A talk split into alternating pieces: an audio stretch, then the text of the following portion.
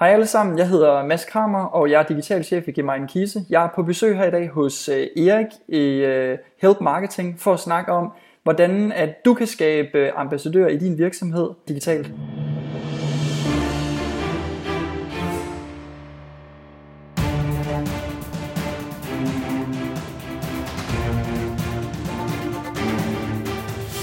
Det her er Help Marketing podcasten, lavet for dig, der arbejder med digital marketing, salg og ledelse og som gerne vil opnå succes ved at hjælpe andre.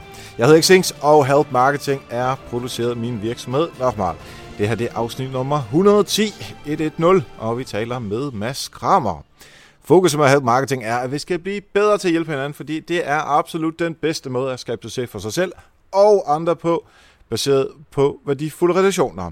Og vi hopper direkte til ugens content marketing værktøj, der i den her uge er sponsoreret af vores venner fra IBA Erhvervsakademi i Kolding. Jeg underviser faktisk på nogle af de her uddannelser, øh, som IBA tilbyder, både i København og i Kolding. Og det er en fornøjelse, det er virkelig fedt at møde alle de her mennesker, der bare hunger efter at blive klogere på social, content marketing og alle de andre ting, som man kan undervises i. Det er super cool. Men IBA tilbyder faktisk også en række gratis webinarer, og der er flere af dem om måneden. Og de varer sådan cirka 60-90 minutter, alt efter hvilket emne det er, og der er altså vildt forskellige emner. Og faktisk har Anita og jeg lige afholdt et webinar sammen med øh, Mette fra IBA, som hed Facebook for fattigrøv. Og vi havde over 700 tilmeldte. Hvor var det fedt. Der var rigtig mange af jer, der lytter til Help Marketing, der også var med. Det var super, super cool. Men altså, hvis du går ind på gratiswebinar.dk, så kan du simpelthen tilmelde dig rigtig mange forskellige gratis webinarer. Der er noget, der hedder internetjure, der er noget om SEO for begyndere. Anitas, der hedder 10 hjernetrigger, der engagerer din målgruppe. Og så Anita og jeg, vi har faktisk to mere, som vi laver sammen med det. Og den ene er digital PR, altså simpelthen, hvordan du får mere ud af dit øh, PR ved at tænke digitalt. Og den anden er, hvordan du får et større budget til din markedsføring. Hvordan overtaler du chefen til at få lidt mere budget. Dem kan du så melde sig til ind på gratiswebinar.dk. Og ugens content marketing værktøj er Facebook-integration til MailChimp. Hvis du bruger MailChimp til at udsende nyhedsbreve, så vil du jo gerne have flere relevante modtagere af de nyhedsbreve. Og du har måske en pop-up på dit site i forvejen. Det er super smart. Men du kan faktisk også helt gratis lave en ekstra menu på din Facebook-side, hvor dine følgere kan signe sig op direkte. Jeg har faktisk lige sat det op her på øh, facebook.com-helpmarketing.dk, altså Help Marketings øh, Facebook-side. Og hvis du så klikker derind, så kan du klikke på Help Marketing nyhedsbrevet op i menuet, og så kan du se, hvor nemt det er. Så du skriver bare din mail og din, øh, dit navn, og så er du sådan set tilmeldt mit nyhedsbrev. Jeg har også tilføjet, at du skriver din hjemmeside, og om du har Patreon af Help Marketing, men det kan du selvfølgelig sætte om i forhold til, hvilket setup du har. Hvis du selv skal sætte det op, så går du ind på din MailChimp, og connecter den med din Facebook-side, og det gør du under Accounts, og så udfylder du de ting, der skal til, og så dukker der en ny menu op helt af sig selv. Det er super smart, koster ikke en øre, og i show notes, der har jeg sat et link ind, som forklarer præcis, hvordan du gør. Tak til IBA og deres gratis webinar.dk for at være sponsor på ugens content marketing værktøj. Og du kan se alle de her værktøjer samlet på nokmal.dk-tools. Og hvis du har et værktøj, som du gerne vil dele med alle lytterne her på Help Marketing, så send det til mig på eriksnabelag.dk. Og nu er det tid til at nørde interne ambassadører i virksomheden med Mads Kramer.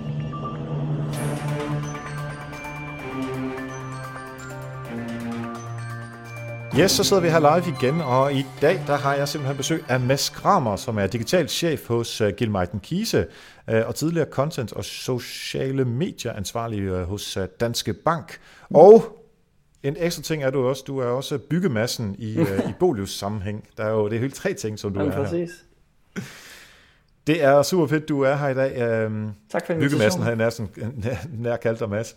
Øhm, men vi skal tale om uh, ambassadører, men inden vi gør det, så kunne jeg godt tænke mig at uh, høre, og både lidt i forhold til uh, Get Martin Keys, altså GK, hvad du laver der, og hvad du tidligere lavet i, uh, i Danske Bank. Jamen tak for invitationen.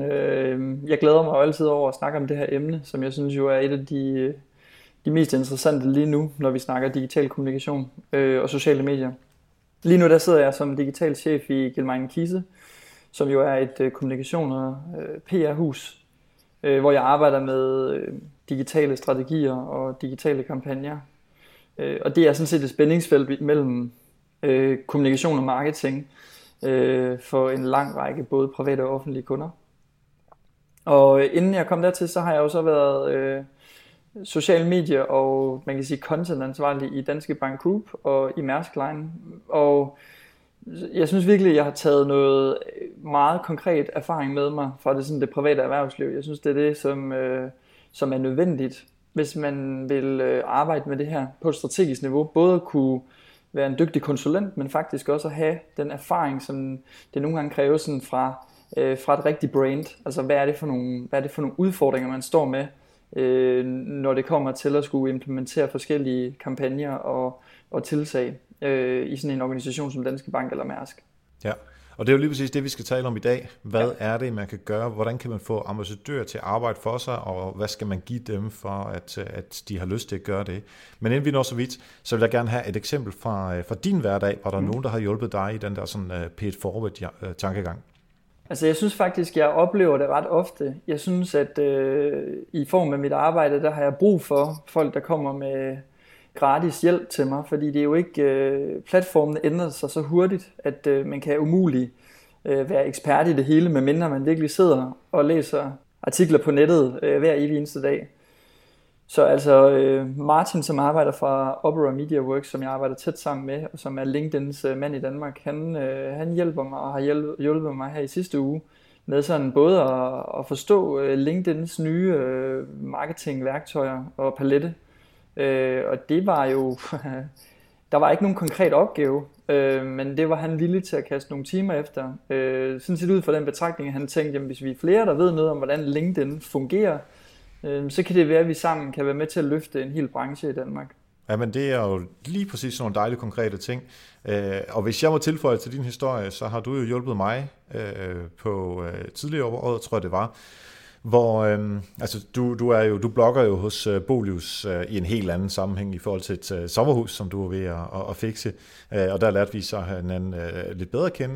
Uh, og så fordi du arbejdede i Danske Bank på det tidspunkt, så uh, anbefalede du mig et system i forhold til det her med at uh, arbejde som meget uh, struktureret med ambassadører, som mm. vi så har testet af i, i Bolius. Det var så ikke det helt rigtigt til os, men, men du gav os nogle input til, uh, hvad, hvad skulle vi tænke over, og, og hvad kunne man gøre med det her uh, system.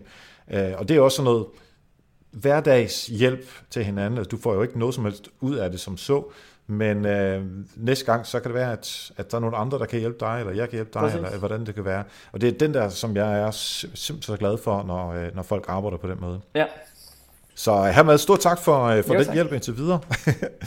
øh, og så lad os øh, dykke ned i det der med at arbejde professionelt med ambassadører, og vi har jo selvfølgelig også et internationalt perspektiv på det her.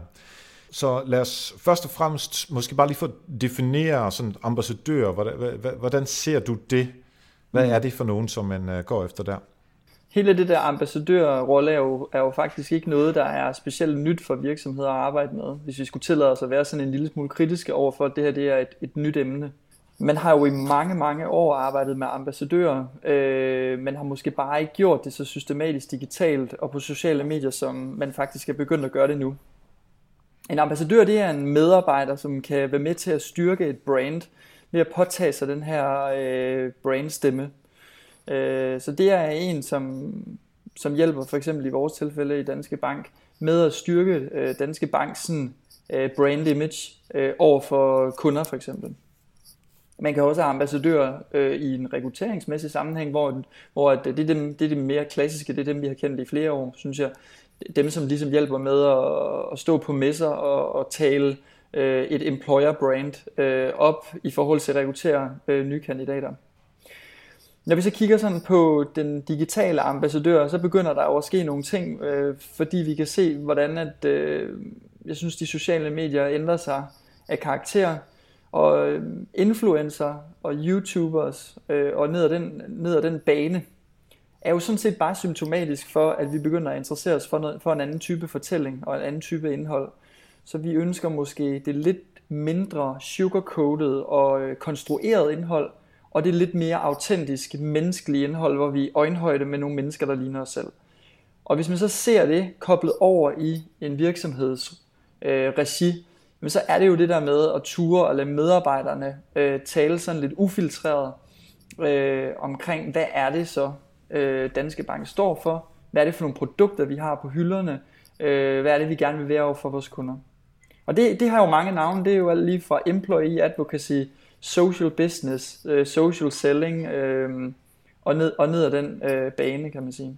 Ja, så de ambassadører, som vi taler om her, det er nogen, som enten arbejder i virksomheden, eller har, er meget, meget, tæt på virksomheden. Det er ja. ikke de mennesker, som er, som er fans af virksomheden, fordi det har vi jo, altså det kan man også kalde ambassadører, ja. øh, og det talte vi jo med øh, Peter Zweigård om i uh, afsnit 62 af Help Marketing. Ja. Uh, bare du lige har den der distinktion ja, på plads. Jeg er helt enig. Du kan sagtens skabe ambassadører igennem dine kunder. Det er customer cases, eller uh, ja, altså det er jo blevet brugt enormt meget. Det vi snakker om her, det er medarbejderen som ambassadør uh, for virksomheden. Uh, så helt enig. Ja. Super.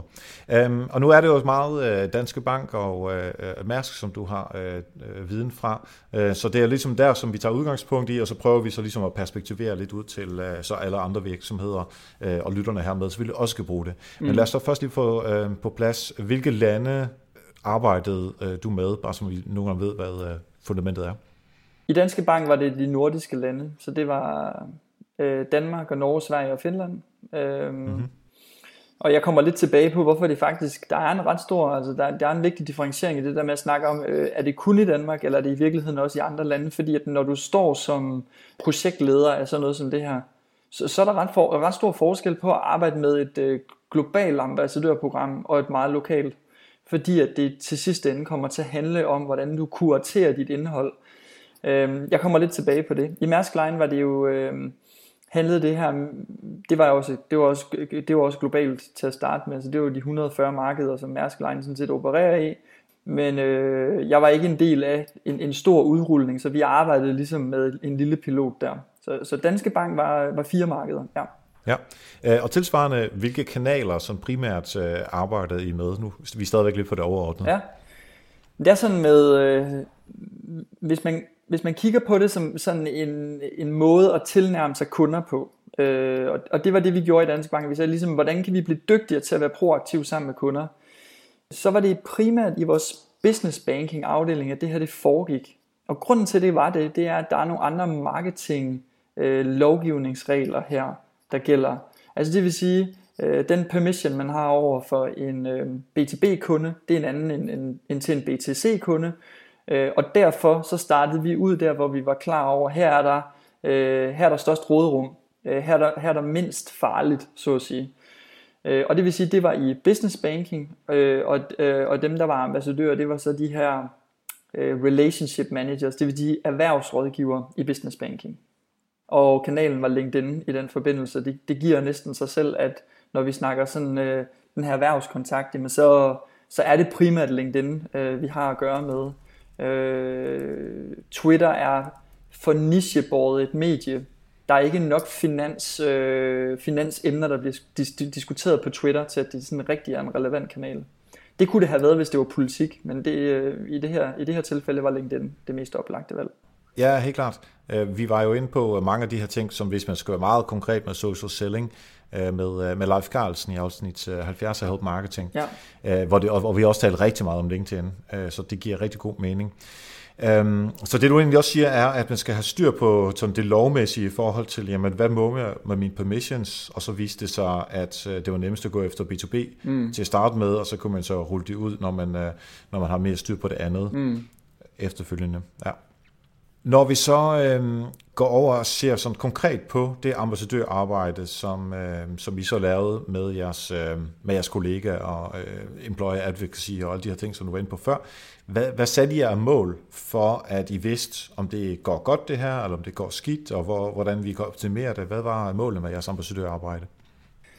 Øh, der var sådan et intern, en intern målsætning og en ekstern målsætning. Den interne målsætning, det var sådan set at påvise, at øh, hvis vi er systematiske i vores brug af medarbejdere på de sociale medier, og når jeg siger brug, så er det jo ikke sådan, at det er en marketingafdeling, der bruger medarbejdere, men mere øh, muligheden for, at de medarbejdere, som ønsker at have en rolle på sociale medier, at dem hjælper vi til det. Hvis vi kan påvise en systematik omkring det, så mener jeg sådan set, at det her det kan komme til at erstatte øh, virksomhedens tilstedeværelse på sociale medier. Fordi det er langt mere interessant at have de her medarbejdere. Og det synes jeg, det er, fordi de har en langt større reach. Øh, de her medarbejdere har over 50% i reach i deres eksisterende øh, connections. Og hvis vi snakker om, at vi i gennemsnit har måske 500 venner eller LinkedIn connections, jamen så når vi altså 250 personer cirka med et opslag. Øh, og hvis vi så ganger det op med Øh, 100 ambassadører, jamen så er vi jo langt, langt over, hvad et brand normalvis når på Facebook igennem det her. Så min tanke var at sige, lad os prøve at vende det her på hovedet. I sidste ende skal det jo være kunderne, der oplever en tilført værdi i at være i kontakt med brandet. Og jeg tror ikke, altså om, om indholdet det kommer fra en person, eller om indholdet kommer fra den her virksomheds side, øh, det tror jeg ikke er så afgørende.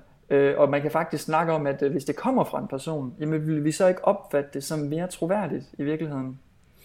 Så min tanke var faktisk at prøve at stille spørgsmålstegn ved alle de enorme midler, der bliver brugt på at håndtere en Facebook-side for nogle typer af virksomheder, hvor jeg tænker, er det overhovedet det værd? Altså, er det overhovedet det værd at have en fuldtidsansat og et, et årligt marketingbudget til at drifte den her tilstedeværelse? Fordi at nu har vi haft Facebook i 10 år, og der er stadigvæk ikke nogen, der er kommet med sådan en, en rigtig klokkeklar ROI på, i hvert fald når vi snakker de øh, strategiske øh, forretningsconnections her. Jeg ved godt, at vi kan sagtens påvise en ROI, når det, når det kommer til at sælge e-commerce. Altså det vil sige, at vi kan godt vise, hvordan vi kan konvertere kunder ind i en, i en webshop, øh, fordi Facebook har fået et, et relativt øh, fornuftigt annonceværktøj op at køre. Men vi kan jo stadigvæk ikke altid påvise, hvad er det, der, hvad er det værdien er af Facebook, når, når, når vi er et pensionsselskab, eller forsikringsselskab, eller vi er en bank, eller vi er i en kommune, eller vi er en styrelse, eller et ministerium, eller noget, hvor at kunderelationen er, er lidt mere strategisk og, og kompliceret. Så det var vigtigt for mig at påvise, at vi faktisk når en reach med de her ambassadører, og det vidste jeg også godt, at det ville blive vanskeligt at måle på, men vi havde faktisk nogle muligheder for det. Ja, så, så nogle af de øh, mål, I så sætter op, er at sige, at vi kan opnå en reach ved at bruge vores, øh, vores medarbejdere, altså motivere Præcis. dem til at have lyst til at dele nogle forskellige ting, og så eventuelt sammenligne det med, hvad ville LinkedIn ellers skulle have opnået, hvis det bare var vores øh, firmaprofil, yes. eller Facebooks firmaprofil. Lige præcis. Æh, mm-hmm. Og så var der jo, og det er det, jeg synes, at det begynder at blive interessant, det er det der, hvis du kan få koblet din social media aktivitet, øh, i det her tilfælde et ambassadørprogram, med forretningsmålsætninger. Øh, og i Danske Bank var der jo en målsætning om, at vi ville tættere på kunderne, vi ville være mere proaktive, og vi ville øge kundetilfredsheden. Øh, vi kunne se i nogle interne undersøgelser, at kunderne ikke følte, der var helt nok proaktivitet fra en erhvervsrådgiver. Det vil sige, at erhvervsrådgiveren var til stede selvfølgelig når kunden spurgte efter det, men der var ikke noget øh, proaktivitet omkring, øh, hvad sker der nu, når at øh, vi har en Brexit? Betyder det noget for min forretning? Det vil jeg gerne have proaktivt fra min erhvervsrådgiver. Så vi tænkte også, altså der var jo en klar, altså den her, der var jo en klar målsætning omkring, at, at, at ambassadørsprogram, det skulle jo føde ind i nogle af de udfordringer, som der var som forretningsmæssige mål. Og det var egentlig da jeg så programmet være allerstærkest. Simpelthen snakke om, oplever kunderne Øh, som er i kontakt med ham her LinkedIn-ambassadøren, øh, en øget proaktivitet omkring indhold og omkring værdiskabelse, og får vi en bedre kunde-rating ud af de her kunder end almindelige kunder. Og det havde vi konkrete eksempler på. Altså, øhm, ja. Jeg ved ikke, om det svarer på de spørgsmål. Det gør det bestemt. Så det, så det handler på, på mange måder om at sige, at kan vi sælge mere til de mennesker, som, har en bedre, som vi har en bedre relation til, altså en stærkere relation, fordi det er et menneske, der har en relation til et menneske, Præcis. i stedet for at det er en kunde, der har en relation til bankens logo, bare for lige at, Jamen, jeg er helt enig. at, at altså, sige det helt konkret. Ikke? Jo. Og jeg plejer, jeg plejer at stille det op Erik, på den måde, at du siger, hvis du har en relativt kompleks problemstilling i din forretning, hvem vil du så helst mødes med? Vil du mødes med problemløseren eller sælgeren? Øh, og det var også udgangspunktet for at være ambassadør, det er, lad være med at, lad være med at træde sælgerrollen. Jeg synes også, at social selling det er et forkert begreb, fordi så flytter vi sådan en transaktionel øh, cold call ting over i en anden kanal. Det er slet ikke det, det handler om. For mig der handler det om, hvis du øh, viser, at du ønsker at løse folks problemer og hjælpe dem, apropos det du sidder og laver her, Altså det vil sige, at man, øh, altså paid forward, det er jo sådan set bare et andet begreb for det. Mm. Så er min tanke, at så ligger du der top of mind hos de her brands, og når der så skal udvælges rådgivere på et eller andet, så vil jeg ved med, at sandsynligheden for, at du er på den shortlist, den er langt større, end hvis du havde punket det her brand her, øh, eller virksomhed, med en masse, som du kan sige, salgsmæssige øh, tilgange, øh, hvor du ligesom hopper ret hurtigt ind i den rolle, skulle vi ikke have et møde og snakke om din forretning? Mellem linjerne sagt, jeg vil gerne have fingre i din business, øh, hvordan finder vi ud af det? Ja. Og det er sådan den transaktionelle. Ja, jeg, jeg er helt enig med det, det du siger der. Øh, spørgsmålet er så bare, hvor komplekst og hvor stort det skal være, før at det her det kan betale sig. For hvis du, hvis du sælger ja, ja. Øh, Mars bare, så er det måske ikke lige den her tilgang, man skal, man skal have. I hvert fald ikke til slutkunden, måske til, øh, til forhandleren, men ikke til slutkunden. Præcis. Altså nu kan man sige, hvis man er en, hvis man er en øh, organisation som, som Unilever eller øh, en hvilken som helst sådan FMCG-mastodon, så tror jeg faktisk, at med de mange, mange, mange tusinde medarbejdere, man har, så vil man kunne få ret meget ud af at skabe noget engagement omkring sit brand på en anden måde. Øhm, ja. Så jeg tror egentlig, men det har jeg ikke erfaringer med, så det vil jeg sådan set ikke sådan prøve at mig så meget på. Man kan sige, øhm, det du taler ind til, det er sådan lidt, hvad er kost per lead her? Altså hvad koster det øh, i en indsats øh, at få et lead indenbords? Og der kan man jo bare se, at øh, vi har fået bedre og bedre digitale muligheder for at tracke på, hvad et lead koster. Jeg synes, jeg ser mange virksomheder investere enorme summer i sponsorater, og i forskellige ting, hvor at den her virksomhed er til stede. Øh, nu har der næsten lige været Ironman, og det vil sige, at øh, KMD er en hovedsponsor af det, og KMD er en B2B-virksomhed. Og, og min tanke kunne godt være, ved man, hvad der kommer ud af det i sidste ende?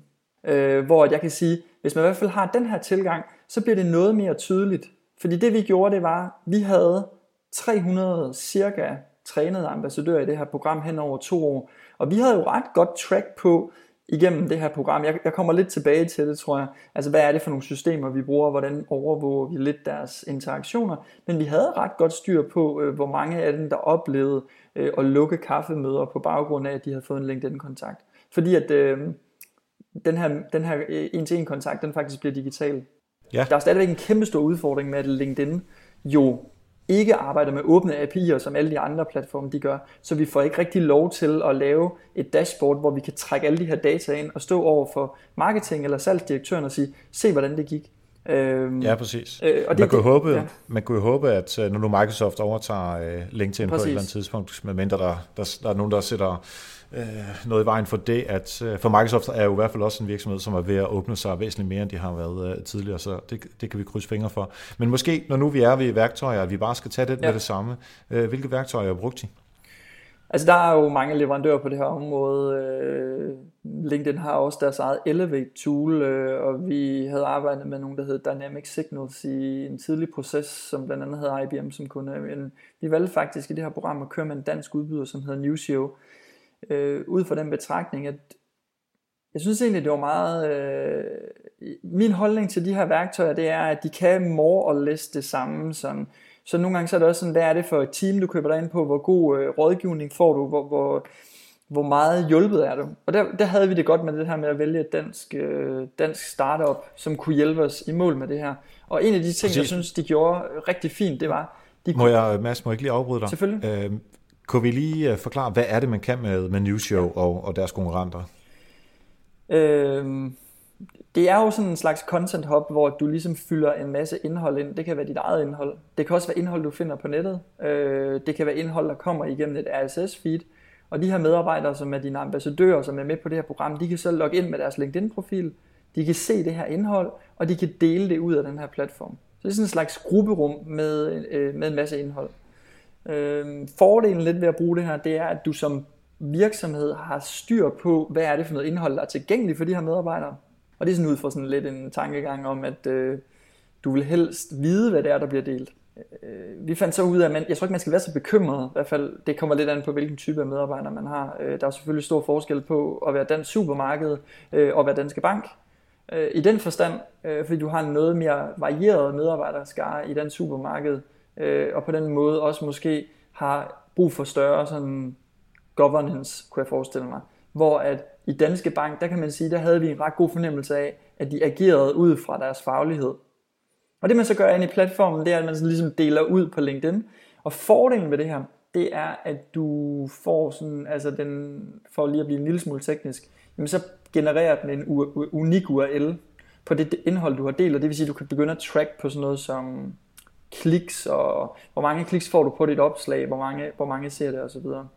Øh, jeg vil sige, at LinkedIn er kommet efter det. LinkedIn er jo begyndt og har jo her for en måned siden lavet øh, nøgletal, når du deler et opslag på LinkedIn, og det vil sige, at du kan gå ind ja. og se cirka, hvor meget, øh, hvor, hvor meget aktivitet du har på et opslag. Det synes jeg er super fedt, fordi det er jo, øh, hvis man arbejder aktivt med det her, så er det jo kun en måde at blive bedre på, det er ligesom at, at, at performance measure sig selv øh, igennem det der.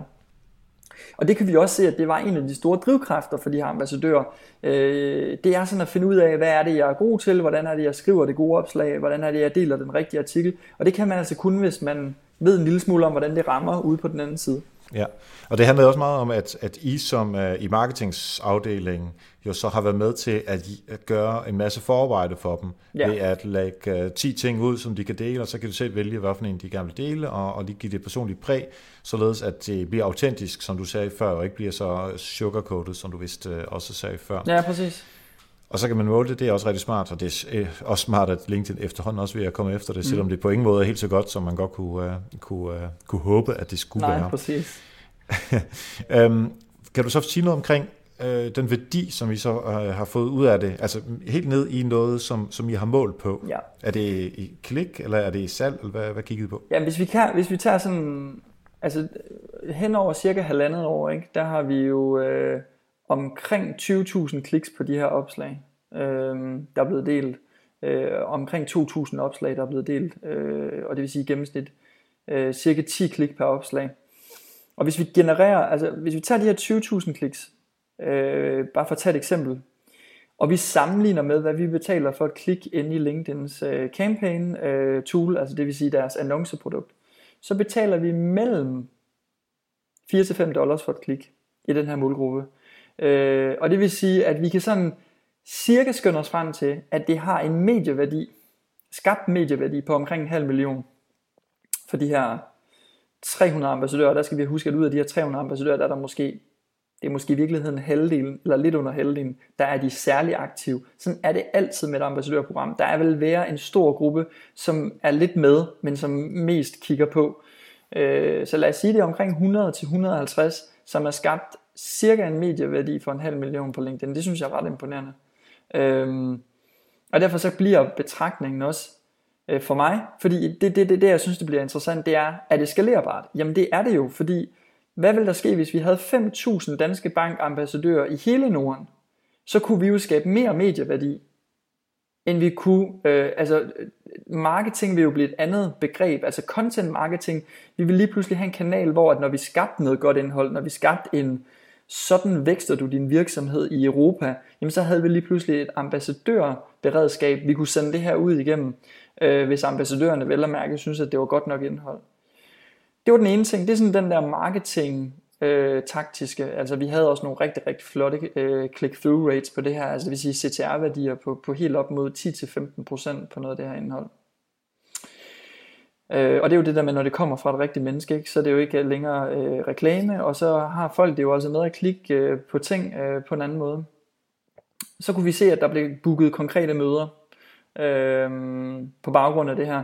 Så det der sker for at være sådan helt konkret, det er øh, en rådgiver, han øh, finder ved hjælp af vores træning og vores hjælp frem i sit netværk ud af, hvem er det, jeg gerne vil linke op med. Og så i stedet for bare at linke op med dem, så finder han måske en årsag til at linke op. Og den årsag, det er ikke et salg. Det er måske, jeg vil gerne linke op med den her nye virksomhed i Jylland, fordi jeg har en artikel omkring grønne investeringer i Danmark, og hvordan de faktisk er gået i hen over de seneste 10 år, som jeg gerne vil dele med den her person. Og så deler han den, og så kan det være, at øh, to måneder efter, så har den her rådgiver for Danske Bank faktisk et arrangement, han gerne vil invitere ham til. Og der er det jo så sådan, at hvis du har givet en person noget og skabt værdi for en person, så er han altså lidt mere åben over for at deltage i et arrangement sammen med dig, end hvis du bare ringer op, eller sågar har en, en telemarketing-sælger til at ringe op på vegne af dig, for at spørge, om han vil deltage i en event. Ikke? Og, det er jo, det, og det er jo hele den der ændring af at sige, prøv, lad os prøve at koncentrere os lidt mere om de mennesker, vi, vi egentlig ønsker at ramme, og så prøve at gøre, det, gøre os lidt mere umage, og så se, om vi kan konvertere lidt bedre på det. Og konverteringsgraden er jo helt op på 10-15%. Det vil sige, hvis du har 10 kunder, øh, eller potentielle kunder, jamen øh, så kan du måske skaffe et kaffemøde eller en reel business opportunity, men måske helt op mod, øh, mod 1 til af dem ud af de 10. Og sådan nogle konverteringsgrader, altså op mod 20%, det ser man jo altså ikke på noget som helst typer af øh, marketing. Der snakker man om 0,1% konverteringsgrad på sin reklame. Ikke? Så det er jo et nyt perspektiv. Det handler jo om, lad være med at forstyrre en hel masse mennesker, men prøv at gå til dem, du har noget, kan skabe noget værdi for. Og så øh, hvis du gør dig umage, og du er dygtig, så kan det også godt være, at det betaler sig i den anden ende. Hvis også man skulle kaste et uh, kritisk blik på det her, ja.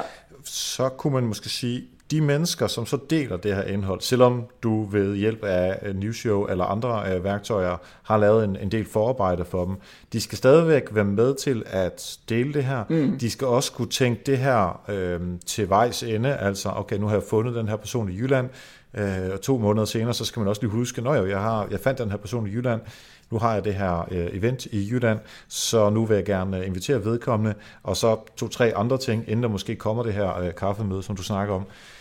Der, det er jo meget tid, man skal bruge, ja. øhm, og, og der er noget kulturændring i organisationen, der også skal til, før, før end at folk rent faktisk gør de her ting, som, øh, som du øh, fortæller her. Mm. Øh, regnede I på, eller tænkte I over, hvor meget ekstra arbejde det giver i forhold til det, de ellers plejer at sidde og lave? Altså, hvis man skal gøre det her på den rigtige måde, så får man jo indarbejdet det her i de personer, som deltager allerede eksisterende performance measurement øh, med deres ledere.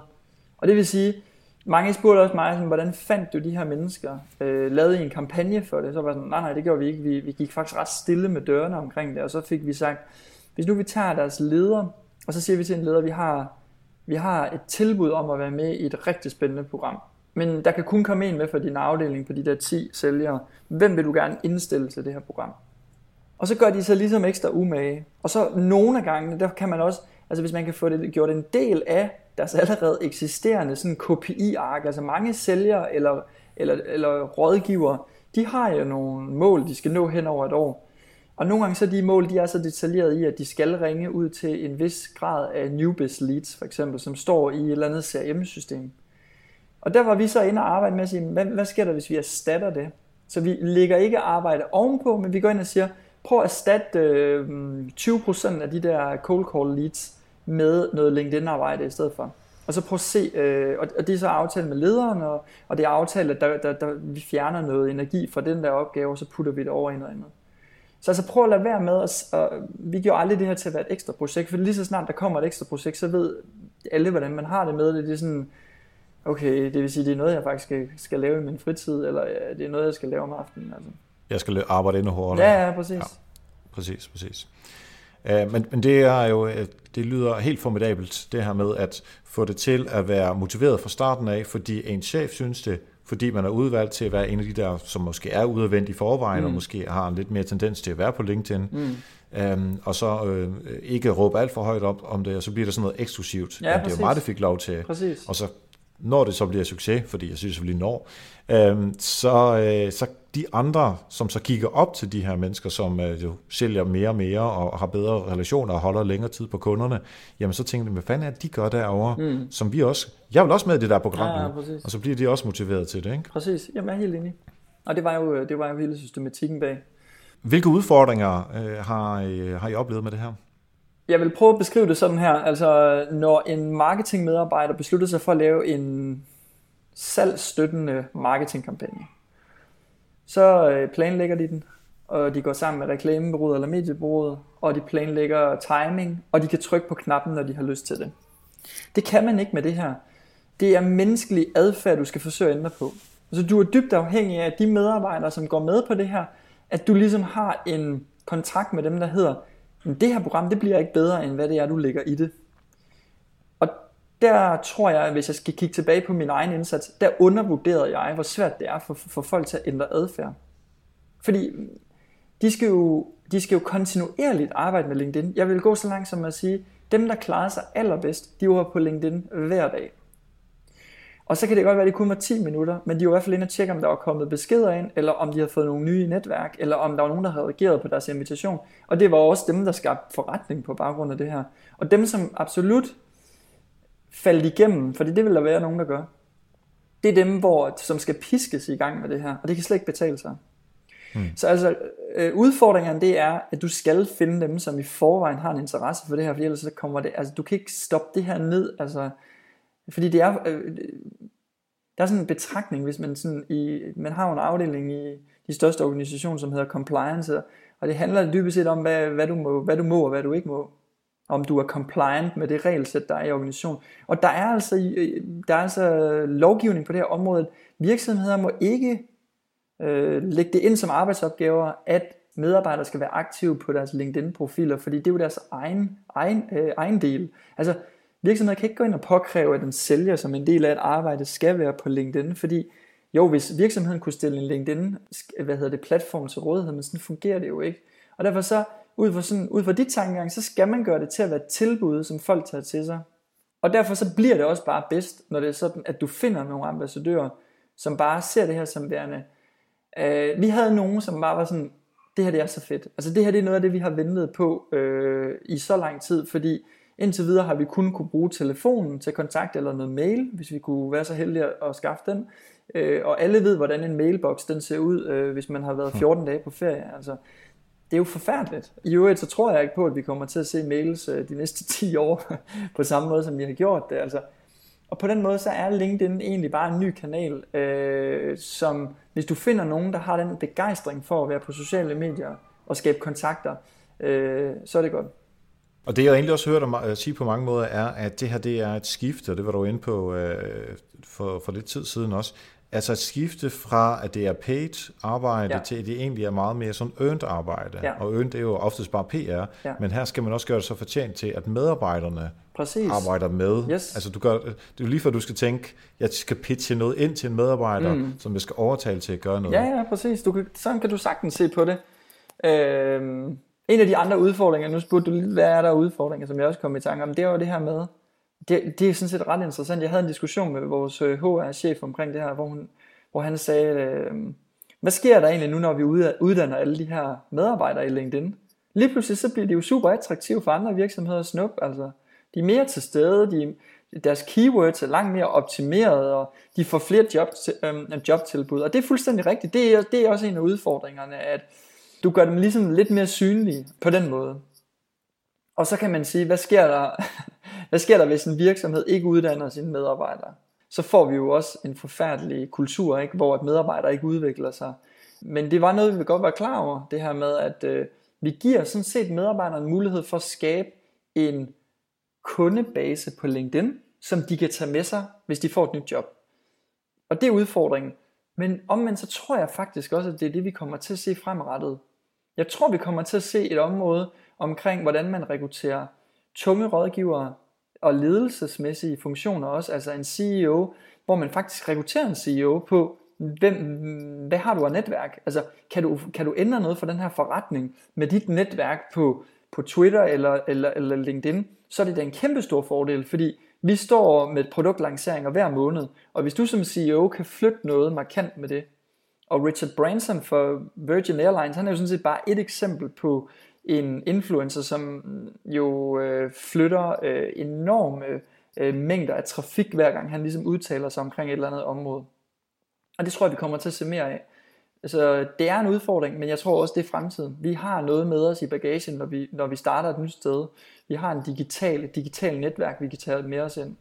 Ja, som i den grad er, er værdifuldt. Og, øh, jeg, har, jeg tror faktisk, jeg nævnte det her på Help Marketing før, men øh, jeg var oppe og øh, holde foredrag for nogle unge mennesker i øh, Aalborg på et tidspunkt, ja. hvor vi fortalte om øh, hele det her med netværkarbejde og content marketing og, og, og bruge dem. Øh, og der, jeg, jeg kan ikke huske, det var omkring 40 mand eller sådan noget. Og de øh, så spørger op med hånden, hvis man laver, har en blog. Altså det er der så to, der har. Mm op med hånden, hvis du er på LinkedIn, okay? Det, det var lidt flere, men det var heller ikke særlig mange. Ja. Og dem, der var det, det var så meget fokuseret på, jamen, jeg, det, det er bare mit CV i anførselstegn. Ja, ja, præcis. Og der tænkte jeg sådan lidt ved mig selv, hvis, hvis og nu kan vi sidde her og være kloge, fordi vi er jo ikke, uh, vi er jo ikke 21 år. Men hvis jeg havde vidst det her som 21-årig, og allerede på det tidspunkt var begyndt at tænke meget mere i netværk, så ville mit netværk jo være endnu større i dag. Præcis. Og derfor ville det være endnu mere værdifuldt, og jeg kunne spørge om endnu mere løn, øh, når, når der er lønforhandlinger, ja. eller når jeg skal skifte, øh, skifte job. Ikke? Og det er jo det, man skal tænke på hele tiden, at man får masser værdi, og ja, så er virksomheden jo med til at betale for, at du bliver dygtigere, men altså al uddannelse, som øh, mm. virksomheder gør, gør dig jo bedre, forhåbentlig i hvert fald. Jeg synes i hvert fald, at de sociale medier, og hvis vi nu siger, at der er nogle sociale medier nu, der har fået en størrelse, som er op omkring Facebook, øh, som lidt et, øh, man kan sige, Facebook er jo sådan lidt et populistisk socialt medie. Det er jo enormt masse medier. Det er jo, det dækker jo øhm, alt og alle, og alle interesser, og alle samtaler, dem kan du have på Facebook. Øhm, hvor jeg synes, det der er sket, det er, at øh, netværkstanken, øh, det der med at netværke, den er blevet digitalt skalerbar lige pludselig. Og det vil sige, at den der tanke, vi havde for 10 år siden, som, hvor det der med netværket, det var, det var mega vigtigt. Men det, det, var, det var sådan noget med, at man skulle gå ned på en eller anden bar en fredag og tage jakkesæt på, og så skulle man stå og dele sit visitkort ud. Og, det var, og du kunne risikere, at øh, alle dem, du stod med i den der bar, de havde nøjagtigt samme fokus som dig. Det var at lande et job eller et eller andet. Så der kommer aldrig noget ud af det her. Hvor jeg synes sådan set, det LinkedIn er blevet til nu, det er, alle kan komme i kontakt med alle, hvis man har noget på hjerte. Og det vil sige, at den her, den her tanke med at netværke, den er også ligesom blevet, den er blevet frigivet nu. Og det synes jeg er ret fantastisk, fordi altså det er, jeg, jeg oplever også studerende øh, fra CBS og andre uddannelsesinstitutioner, som også ligesom tager fat i mig og siger, må jeg skrive speciale omkring det der område, kunne du tænke dig at være med? Og, øh, altså, og det tror jeg simpelthen på, at vi kommer til at se. Jeg, jeg kan huske, at øh, her for nylig, så er der kommet en WebEx-undersøgelse fra 2016, som siger, at den største forandring, der er i vores brug af sociale medier, det er simpelthen, at vi går mere til at bruge sociale medier i arbejdsmæssig professionel sammenhæng, og mindre øh, offentligt omkring, øh, og opdatere omkring, hvad vi laver, eller hvad vores venner laver, og holde øje med alt det her. Og det var jo egentlig udgangspunktet for sociale medier. Så jeg tror, de næste fem, fem år måske, hvis vi skal kigge fem år frem, vi kommer, til, vi kommer til at opleve, hvordan folk bliver mere professionelle, tror jeg, simpelthen omkring det her. Og dermed så åbner der sig jo også øh, muligheder for virksomheder at bruge ambassadører i ren forretning. Øh, fordi at hvis ham her, vi skal have fat i, han bliver mere tilgængelig, hvis CFO'en for Velux bliver mere tilgængelig, fordi han begynder at bruge LinkedIn mere, jamen så er det jo også oplagt, at rådgiveren for Danske Bank, han er mere på LinkedIn. Så jeg ser det som sådan en øh, parallelvis udvikling. Platformen udvikler sig, vores adfærd udvikler sig, og derfor så udvikler øh, de tendenser omkring, hvordan brands bruger det, de udvikler sig naturligvis også. Ja, jeg er helt enig med dig øh, i forhold til øh, udviklingsdelen. Altså, alt skulle ud til alle, og mm. alle skulle vide alt. Altså, Twitter-tilgang, altså, der er ikke noget som helst, der er gemt. Og så er der Snapchat og, og de ja, andre præcis. versioner, altså dem, der konkurrerer med Snapchat, hvor, hvor, hvor det sådan, det er væk efter 10 sekunder, og der er ingen, der ved, hvad der er, der foregår. Og, og der er, i relationer og i netværk, er der nødt til at være nogle ting, som kun du og jeg ved, hvad der foregår. Ja. Altså nu, nu bliver det optaget, så nu siger vi uh, ikke alting til hinanden, fordi der er også nogle ting, uh, som man ikke må sige til hinanden mm. og sådan noget. Men det kan vi jo godt sige til hinanden, når, når nu vi er færdige med Præcis. at optage, og, og mikrofonerne er slukket. Mm. Ikke? Så det er man bare nødt til at respektere, så det er jeg helt enig med dig i. Lige om lidt, der kunne jeg godt tænke mig at høre fra dig, øh, de ting, som du synes, at lytterne derude, som, øh, som lytter med og tænker, det kunne jeg godt tænke mig at arbejde meget mere med. Et par gode, konkrete råd til dem, hvad de skal starte på. Mm. Men uh, mens du lige forbereder det, så vil jeg gerne have lov til at takke alle de søde, rare mennesker, som støtter Help Marketing ved at uh, være gået ind på nokmal.dk-støtte, og så er de landet på Patreon, og så har de sagt, jamen jeg har lyst til at støtte Help Marketing økonomisk med 1 dollar, eller 5 eller 10 dollar. Det må man helt selv om. De er så gået ind på uh, Patreon her, og har oprettet en profil, og så bliver der øh, trukket en gang om måneden det beløb, som de nu engang har bestemt. Og det er småpenge i forhold til, øh, til det store hele, altså 1 dollar gange 4, det er 4 dollars. Det, øh, det får man knap nok en kop kaffe for øh, nu om dagen, når man køber den ud i hvert fald. Så hvis du har lyst til at øh, støtte Help Marketing på den måde, så vil det være super, super fedt, fordi så har vi mulighed for at betale øh, Thomas for at redigere det her. Vi har hosting og mikrofoner og alt det der ting, der skal købes. Så kører Help Marketing, plus at vi nu også laver Help Marketing webinarer. Og det er også noget, som øh, vi er begyndt at kunne gøre på baggrund af den støtte, som vi har fået fra, øh, fra lytterne derude. Så har du lyst til at støtte Help Marketing, så er det altså ind på nokmal.dk-støtte. Yes, Mads, hvad, øh, hvad kan du anbefale folk at starte med, hvis de gerne vil arbejde med? Jamen, jeg vil gerne, øh, altså jeg vil gerne indledningsvis sige, jeg tror ikke, at der er en vej uden omkring det her. Jeg synes, vi ser rigtig mange store organisationer kaste sig ud i det her, øh, uanset om de vil eller ej, fordi de godt ved, at det er ikke nok at lave social media guidelines til medarbejdere. Vi kan ikke forvente, at de læser dem. Vi kan ikke forvente, at vi kan lave en løftet pegefingers taktik over for medarbejderne i, at de skal lade være med at bruge øh, sociale medier, fordi de er der. Så hvis vi så tænker over, de er der, og de vil være der, og medarbejderne vil dele oplevelser fra arbejdspladsen, så hvis man så tænker over, hvis vi kan få noget positivt ud af det her, så er min anbefaling, det er sådan på tre områder. Det er, sørg for at skabe en solid forankring i jeres forretningsstrategi. Fordi på den måde, så bliver det langt nemmere for dig at skabe budget og skabe ressourcer til at udvikle det her område. Og det er altså sådan noget som, hvad går jeres forretning ud på? Er det at skabe kundetilfredshed, eller er det at skabe salg? Hvad er den overordnede 2020-strategi lige nu? Der er rigtig stor forskel på at drive salg og drive kundetilfredshed igennem LinkedIn. Øh, fordi at, øh, jamen det giver jo sig selv. Det er jo to forskellige taktikker, man ligesom skal, skal ind og, og, og arbejde med her. Ja. To, det er at finde de interne stjerner øh, hos medarbejderne og arbejde med dem først. Det gør det så meget nemmere for dig at skabe en succesfuld pilot. Måske flyve lidt under radaren og prøve at, at gå rundt og snakke lidt i hjørnerne med nogle af dem, hvor du har hørt, at der er nogen, der rent faktisk allerede er lidt i gang med det her og så prøv at hjælpe dem i gang. Og det kan være, at man starter et ambassadørprogram med kun, øh, med kun 10 personer, eller øh, afhængig af størrelsen på ens virksomhed. Mm-hmm. Og så sidst, det er faktisk at være modig nok til at støtte det her med noget content eller thought leadership marketing. Forstået på den måde, at du står garanteret alligevel med en udfordring med, at du ikke rigtig ved, hvad du skal lægge på din LinkedIn-side som virksomhed. Det er rigtig, rigtig mange virksomheder store udfordring. Men hvis du i stedet for tænker det her silodel, så tænker det som en større indsats, så hvis du øh, nu går til dit kommunikationsbyrå eller reklamebureau og siger, jeg vil gerne lave det her, og det er primært den interne opgave i at udvikle de her medarbejdere. Men samtidig, så vil jeg gerne lave en kampagne, hvor vi faktisk øh, forsøger at lave noget indhold omkring noget thought leadership, eller noget content, eller noget værdifuld øh, viden omkring noget indhold for den her virksomhed, som rammer de samme virksomheder, bare fra virksomhedens side. Og på den måde, så har du sådan det, man jo populært kalder omnichannel marketing, hvor du spiller omkring det samme indhold, men på en, en lang række forskellige kanaler. Og jeg tror, hvis du gør de tre ting, og det kan du gøre i selv de mindste målestok, så tror jeg rent faktisk på, at du vil kunne se en fuldstændig lineær effektmåling af det bagefter. Altså, at du får skabt nogle nye kunder. Fedt. Og det er jo øh, de fleste steder, at det, det handler om, øh, plus at holde på øh, det, man har i forvejen selvfølgelig. Mads, yes. det har været mega inspirerende at tale med dig øh, omkring øh, det her. Det øh, vil jeg sige mange tak for, og jeg er sikker på, at der er andre øh, derude, der har det på samme måde. Hvis de gerne vil følge dig på sociale medier, hvor de skal, skal de så gå hen? Jamen, jeg synes, jeg skal jo øh, tage min egen medicin, så jeg synes, det skal linke med mig på LinkedIn, og så... Øh, jeg skriver nogle gange omkring det her på LinkedIn. Jeg har netop skrevet en artikel omkring, hvordan øh, man faktisk kan finde noget inspiration i den norske øh, hvad hedder det, ungdomsserie Skam, så den kan man jo gå ind og finde øh, inde på LinkedIn, og øh, man er meget, meget velkommen til at connecte med mig derinde. Øh, og det er Mads, det synes, Mads Kramer, Kramer med, med C. Som man, det er Mads Kramer med ja. C øh, på LinkedIn. Yes. Og tilsvarende også på, uh, på Twitter. Ja. Fedt. Super spændende at høre. Det er, det er jo ikke noget, bare, bare lige gøre sådan her, og så, uh, så fungerer no. det. Det er uh, et, et, en, en rejse, man skal igennem som virksomhed, men uh, her er i hvert fald uh, den, det første skridt på rejsen, uh, som man kan tage, og så er det bare at uh, køre derud af. Mange tak, fordi du var med her i dag, Mads. Det var så lidt. Mange tak til Mads. Var det ikke bare super, super fedt det her? Tænk, hvad du kan gøre med dine kollegaer. Tænk, hvad du kan få dem til at hjælpe med i den markedsføring, vi laver.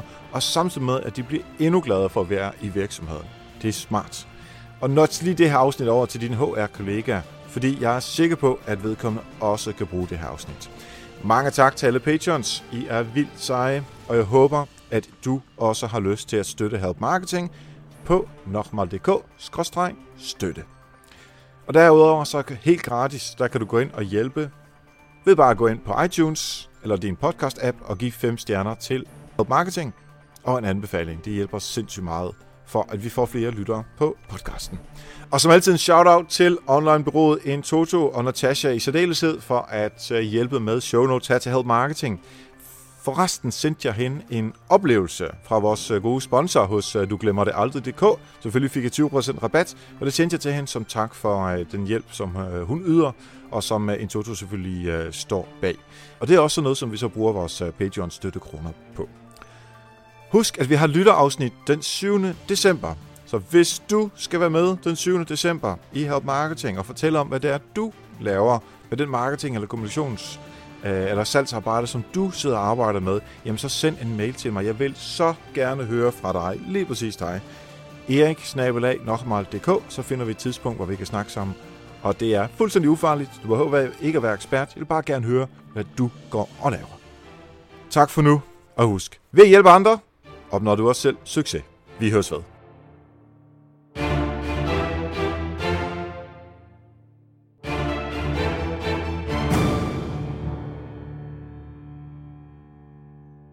Hvad sker der, når en forandringsstrateg og en neuromarketingstrateg slår hovederne sammen og udgiver det i en podcast?